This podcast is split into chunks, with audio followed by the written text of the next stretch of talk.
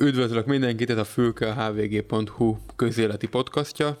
Én Tóth Rihárd vagyok, és Gergely Mártonról fogunk beszélgetni a heti válasz kimúlása, vagy részleges kimúlása okán arról, hogy megszűnőben a jobboldali kritikai újságírás Magyarországon.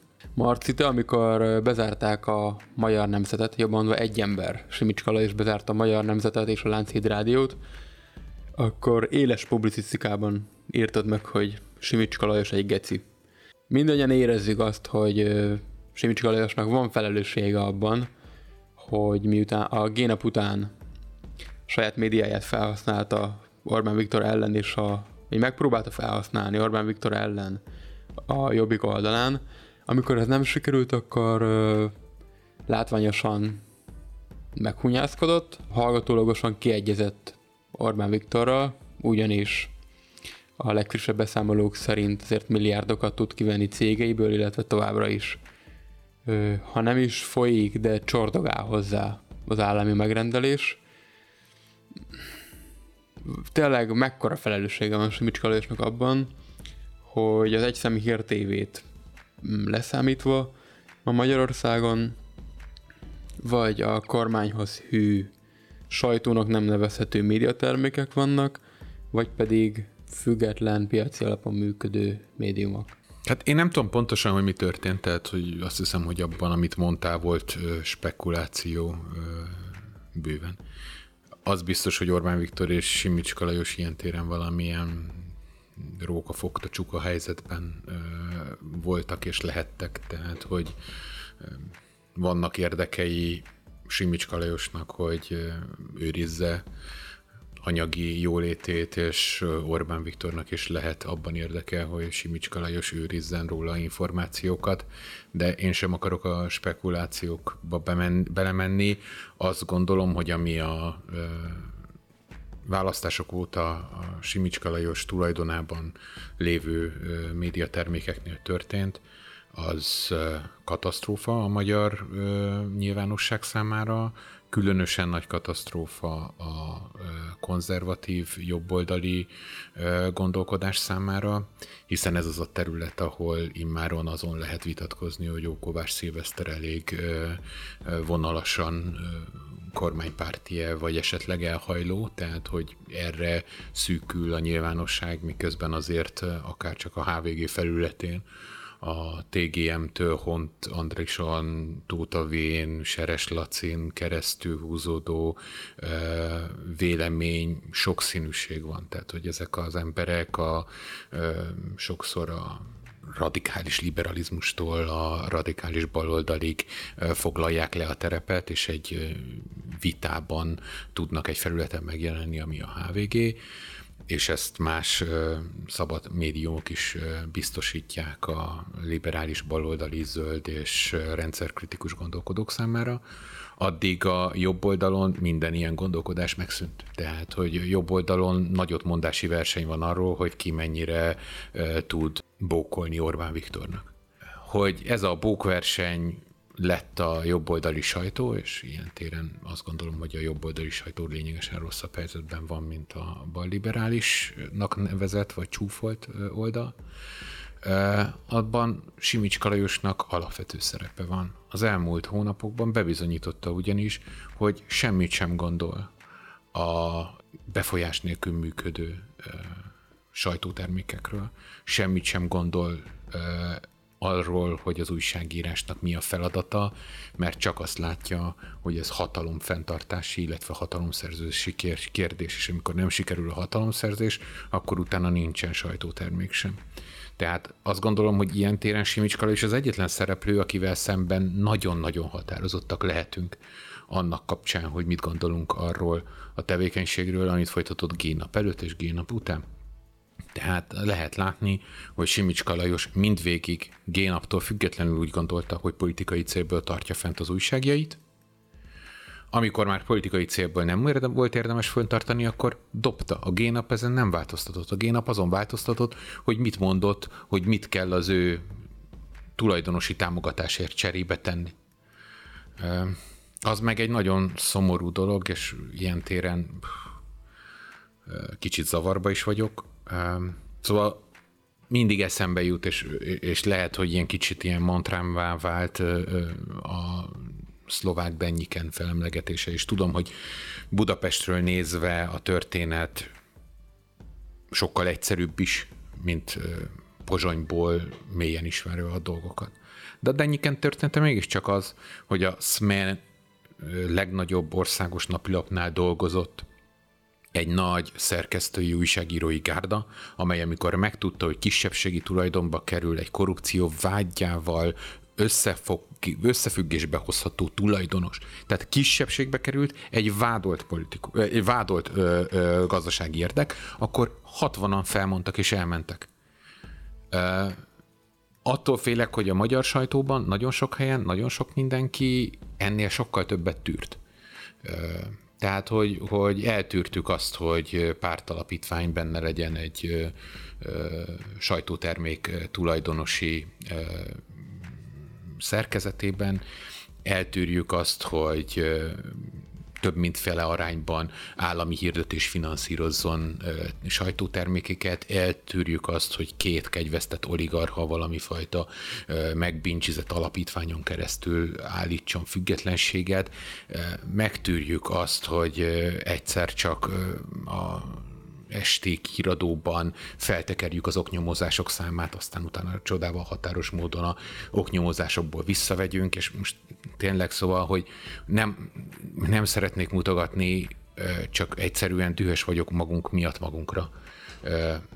És tényleg azt gondolom, hogy senki nem maradhat ki, mert ez a szakma nem mutatott szolidaritást, és most is állati nagy bajba van azzal, hogy szolidaritást mutasson a heti válasz iránt és a heti válaszosok is sok mindent eljátszottak a múltban, hogy szolidaritást mutassunk. Tehát ez a, leg, a legszarabb ö, helyzet. Tehát, hogy a sajtó egy geci. Nehéz azért ö, veled sajtóbezárásról beszélni, mert ugye te aktív átélője voltál egy ilyen folyamatnak a Népszabadságnál, és azért is említetted a Danyiket, mert ha jól tudom, akkor egy hasonló minta mentén is próbáltátok megmenteni a lapot. Arról viszont mindenképpen beszéljünk még, hogy Simicska Lajos nem csak abban ludas, és ez annyira szép szó, szóval nem csak abban hibás, és nem csak abban terheli felelősség, hogy ez, idáig jutottak ezek a médiumok, hogy egyik pillanatra a másikra bezáratta őket, hanem abban is, hogy erős ellenállást mutatott akkor is, amikor valakik megmenteni próbálták ezt a lapot, hogy tovább éljen így vagy úgy. A magyar nemzetnek egy irreálisan magas másfél milliárdos árat szabott, amit nincs az Ungár Péter mögött, és mit Mária, aki ezt kicsengette volna.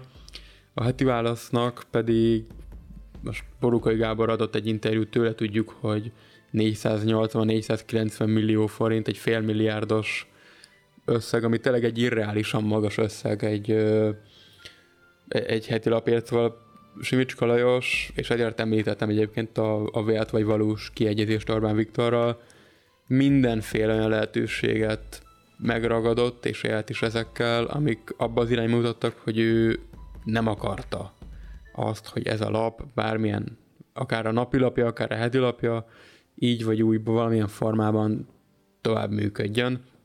A heti válaszról meg azért mindenképpen megérdemel egy, egy külön bekezdés is, is ez az alap, amiről sokan elmondták azt, hogy a Fidesz hozta létre, és a Fidesz is temette el. Ugye 2001-ben Orbán Viktor első kormányzás idején hozták létre, ellensúlyozandó a baloldali média túlsúlyt, de ez alap ez mégiscsak egy ilyen különálló entitás volt. 2009-ben került a Simicski érdekszférebe, akkor került ugye Nyerge Zsolthoz, mindig is egy ilyen outsider volt a, a Simicska média birodalmon belül.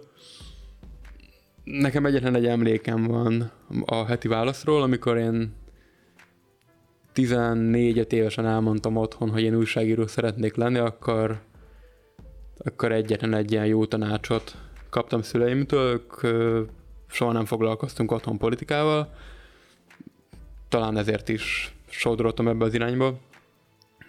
Akkor apám egyetlen egy tanácsot mondott nekem, hogy kezdjem az egészet úgy, hogy minden héten megveszem a 168 órát, és megveszem a heti választ is, és akkor a kettőből ö, le tudom szűrni az igazságot, és, és így kezdjem a pályámat. majd rögtön hozzátette, hogy van még azért a HVG is, ami mindig középen áll. Ö, egy idő után egyébként csak a HVG-t vettem, mert, mert se, a, se ez a balos, se a jobbos nem állt annyira közel hozzám, hogy meg az egész szintetizálva volt a HVG-ben valahol. Nekem ez, ami így személyesen megmaradt a heti válaszból. Hát, miközben te itt gyűjtögeted a jó pontokat, én azt hiszem, hogy a bad boy tulajdonságot magamra véve mélyebbre süllyednék. Tehát én azt gondolom, hogy a, az egy nagyon furcsa helyzet, hogy a heti válasz, ismerve azt, hogy háttal áll a falnak, nem próbálkozott valami olyasmivel, amivel megpróbálkozott Dudás Gergely. Tehát nem mondta azt, hogy kedves olvasók, vészhelyzet van, ha össze tudunk gyűjteni, vissza tudjuk szedni azt a 20% elveszett előfizetést, akkor tovább tudunk működni. Tehát, hogy ők azt gondolták, hogy a megoldás onnan jön, hogyha egy amerikai republikánus vállalkozó berak pénzt amit nyilván vesztett volna, és akkor van valami szó arról, hogy majd 2020-ra nyereséges, de ha én jól értem, akkor a nyereségest is úgy képzelik, hogy majd megváltozik a hirdetői trend. Tehát, hogy, hogy eléggé lehetetlen lábakon áll ez az elképzelés, amiből nekem az derül ki, hogy azért alapvetően egészségtelenül működtek, és egészségtelenül lettek felépítve ezek a jobboldali sajtótermékek és uh, itt röhögtünk tegnap, uh, vagy mikor, amikor Hutgergelynek volt képe azt mondani, hogy ők is uh, bizonytalan hirdetői piacon mozogtak a választások környékén, mint hogyha a számukra lenne más hirdetői piac is, mint Rogán Antalnak az öle. Uh, tehát, hogy, hogy uh, rossz hírünk van Hut Gergelynek, és rossz hírünk van az összes ilyen kreált jobboldali sajtóterméknek, mint a Magyar Idők például, hogy abban a pillanatban, hogy kikerülnek a piacra, meg fog látszódni az a kreálásuknál létrehozott működési hiba. Tehát ez olyan, mintha rögtön a lélegeztetőgéppel együtt születtek volna meg és addig működnének, ameddig az a lélegeztetőgép tart. Itt is az történik. Tehát miért nem próbálkozott meg a heti válasz egy előfizetői akcióval? A magyar nemzet miért nem próbálkozott előfizetői akcióval? Hogyha a magyar nemzetnél csak az kellett volna, hogy Simicska Lajos el akarja adni, akkor a magyar nemzetesek által létrehozott magyar hang, ami azért szinte száz százalékig hasonlít az eredeti magyar nemzetre, az miért nem hoz befektetőt? Ungár Péter arra például miért nem fizet? Arra van valami válasz, hogy Ungár Péternek, Pétert mi akadályozza meg, hogy a magyar hang mögé berakjon pár millió forintot? Márpedig, hogyha visszagondolunk a Magyar Narancs történetére, amit 98 után ugyanígy akart kivégezni a drága jó Fideszes hatalom, ugye a Magyar Narancsnak is túlszulejtették a layoutját, a címét, mindenét, és a Magyar Narancs egy ideig mancsként jelentkezett, mert nem használhatta eredeti nevét, és annyira csökönyösen vitték tovább, hogy a végén a Fidesz kiadta ezt a nevet. A Magyar Nemzet és Magyar Hang is lehet egy hasonló történet, oda is be lehet rakni pénzt. Tehát azért itt azért az látszik, hogy miközben nagyon sajnáljuk, hogy az eredeti konzervatív hang elveszik, bár mondjuk a, azt a hangot én kicsit kevésbé sajnálom, amelyik hisztérikus rohamot kapott egy Eurovíziós dalfesztiválban győztes szakállas nő kapcsán, mert mert szerintem egy szeriőz újság ilyet nem csinál, de hát Istenem, tehát hogy ezt akkor hogyha kell valamit így visszaemlíteni, akkor visszafenteni, bocsánat, a heti válasz múltjából, akkor én ezt megtenném. Tehát, hogy, hogy itt azért az a helyzet, hogy nem csak a finanszírozó veszik el a konzervatív kritikus gondolat mögül, de az olvasó sincs meg hozzá, amelyik ezt eltartsa. Úgy, hogy tudták, hogy még meg kéne, hogy legyen. És akkor zárójelként még hozzátehetjük, hogy már a Hír TV meg volt említve, a Hír TV-t szerződések kötik a sugárzáshoz. A Hír TV minden hónapban pénzt termel azáltal, hogy még benne van a kábel előfizető, előfizetői csomagokban, és ezért a kábel szolgáltatók a Hír TV-nek pénzt utalnak. Tehát szerződés szegés lenne, hogyha ott nem lenne, és addig, ameddig a költségeit le tudják úgy faragni, hogy az kevesebb, mint az a pénz, amit beszednek a kábelszolgáltatási díjon keresztül, ugye ott nincsenek ö, kiszolgáltatva a hirdetéseknek, addig Simicska Lajos pénzt keres vele. Tehát Simicska Lajos az, aki egy birodalmat épített, amit nem lehetett megfojtani, amiből még most is pénzt keres, és aki baszik arra, hogy amikor eljön a rossz idő, akkor föntartson egy nyilvánosságot Orbán Viktorral szemben a jobb oldalon. Én szerintem tényleg síralmas. És a, az emlékezetes heti válasz címlapoknál azért említsük még meg azt, amikor évekkel ezelőtt, még a génap előtt ugye olyan címlappal jelentek meg, hogy Orbán Viktor Európa erős embere. Szerintem az egyetlenek voltak akkor az elvakult Fidesz szabadókon kívül, akik Orbán Viktort Európa erős embereként látták, de még inkább láttatták. Illetve nemrég volt olyan ö, heti válasz címlap, amikor meg címlapon kérdezték meg önön maguktól, vagy olvasóiktól, vagy nem is tudom kitől, hogy gyógyítható-e a homoszexualitás. És utaltál itt a, magyar idők és a többi kormányzati sajtótermékre, azért azt tegyük már hozzá, hogy ezek a sajtótermékek nem a piacra lenne, volt, vannak számva. Nem a, az egy dolog, hogy lélegeztetőgéppel együtt születtek, de az az ötlet fel sem merült egyébként, hogy ezek a termékek bármikor is kilépnének a piacra, mindenki tudja, hogy nem véletlenül nem ismerjük a, példányszámaikat, az oltottságaikat, az oldalletöltést, semmit nem ismerünk, mert nem az a cél, hogy pénzt termeljenek, hanem az, hogy fenntartsák ezt a egyelőre még háborús propagandát, és egyben tartsák a tábort. Mészáros Lőrinc lapátszámra tolja bele a pénzt, mert nem az a lényeg, hogy pénzt termeljen, hanem az, hogy szavazatokat hozzon. A, a jobboldali média nyilvánosság megszűnéséről vagy eltűnéséről pedig, pedig tényleg én is azt gondolom, hogy egy, egy borzalmas állapot nagyon sokaknak fog, fog hiányozni az olyan fiatal konzervatív szerzőknek a hangja, akik egyébként az utóbbi időkben menedékre találtak a heti válasznál. Nagy kérdés, hogy ezeket hívjuk egyébként kiábrándult fideszes szavazóknak, és itt elég sok ember érintett, hogy ők honnan tájékozódnak, miből merítenek majd szellemi muníciót, esetleg hol írhatják le a véleményüket. Egyelőre nem látszik az a, az a termék, ahol ahol ezt megjeleníthetik majd. Hát igen, itt mindig rájuk is gondolni kell, tehát hogy hogy nagyon-nagyon sok sajtótermék épült ilyen értelemben vulkánra. Tehát ö, olyan konstrukcióban működnek, amely nem a anyagi piaci törvényszerűségek szerint ö, ö, működik, és ennek következtében bármikor bármi elsodorhatja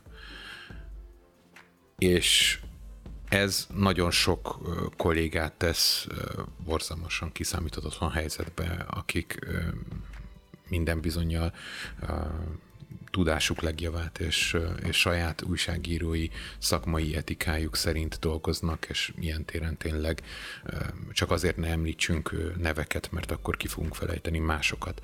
De ami szellemi tőke elpusztult, a Magyar Nemzettel, a Lánchíd Rádióval, a Heti Válasszal és a Hír TV-ből kirúgott emberekkel, az mind ö, borzalmas, és sajnos nagyon kevesüket tudja ez a szakma már magába szívni. Annak idején a Népszabadság egy olyan sajtótermék volt, amelynek úgy tűnik, hogy valószínűleg is akkor hazabeszélek, a csapata is nagyon erős volt, de volt is számára még tér ahol új helyeket tudott találni, új munkahelyeket, új felületeket, továbbra is elmondhatja annak a csapatnak a jelentős része azt, amit a világról gondol. Az egy borzalmasan szomorú következmény lenne, hogyha ez a Simicska birodalom úgy végződne, hogy nem tudják elmondani a kollégák azt, amit a világról gondolnak, és hát, és hát nekünk maradóknak meg nagyon gyorsan el kéne kezdeni gondolkodni azon, hogy, hogy ez, hogy ez, ez hogyan történhetett, és hogy, és hogy ez a szakma miért nézte tétlenül tényleg azt, hogy a hatalom játékszerűvé válva ilyen egymás Hawaii-tól távolsodródó ilyen letöretezett antarktisz izé, jég, izé, szigetekről kiabáljunk át egymásnak, hogyha ez a kép még így normális is érthető. Csak a, a, a tehetetlenséget akartam ezzel kifejezni. Az biztos, hogy nagyon-nagyon nagy probléma, hogy ma ilyen etikai színvonalra süllyedt a kormánymédia, és nagyon nagy probléma, hogy a fiatal újságírók nagyon nehezen tudnak bárhol másút munkát találni, mint a kormánymédiában, ami azt jelenti, hogy újra termeljük ezt a fajta etikátlanságot, és és hát ilyen államszocializmusban működő sajtótermékeknek a viszonyrendszerét. Ezt még nagyon-nagyon sokáig fogjuk szívni, tehát hogy az, hogy hogy apád annak idején azt mondta, hogy két újságból kell kisilabizálni, hogy hol lehet az igazság, az egy, az az apád generációjának az élménye volt, és ugye mi azt reméltük nagyon sokáig, hogy majd jön egy generáció, amelyiknél már ezt nem kell. Tehát, hogy, tehát, hogy, hogy ez egy rossz, hogy ez egy hamis reflex. És most szépen gyalogolunk ugyanebbe az időszakba bele, hogy próbáljuk nézni, hogy a, magyar Pravdában megjelent cikk kinek üzenet és kinek sejem zsinor, és meddig maradhat prőle, és hogy pálinkás miért bűnhődött. Tehát ennek tényleg semmi köze a konzervativizmushoz, semmi köze a jobb oldalhoz. Itt tényleg politikai szolgálatba állított kampánygépek vannak, és jaj a legyőzötteknek. Ugye heti válasz utolsó címlapján Nagy Ervin szerepel, ő most a katonában futó Itakában alakítja Odysseus-t. Odysseus volt az, aki a trójai háború után tíz évet bolyongott, míg, míg hazatért. Reméljük ennyit nem kell várni a, a jobb oldali sajtónak a, a megújulásra. És egyébként a heti válasz, az utolsó heti válaszból nem derül ki az, hogy ez az utolsó heti válasz. Talán a címlapon a Nagy Ervin idézettel üzennek valaki, Nagy Ervintől az a mondat került ki, hogy kellenek a hősök. Hát kellenek a hősök, főleg most. Stephen Colbertől a kedvenc mondatom, hogy egy amerikai late night talker, és egyszer azt mondta, hogy tudják, hogy miért van az, hogy Superman újságírónak álcázza magát, mert hogy az újságíró áll a legmesszebb a hőstől. Reméljük nincs igaza. Jó, hát Batman pedig egy unatkozó milliárdos, Vasember pedig szerintem az egyik legellenszenvesebb szuperhős, Amerika kapitány pedig egy katona. A fülkében Gergely Mártonnal beszélgettem a jobboldali média nyilvánosság megszínéséről. Tóth vagyok. Sziasztok!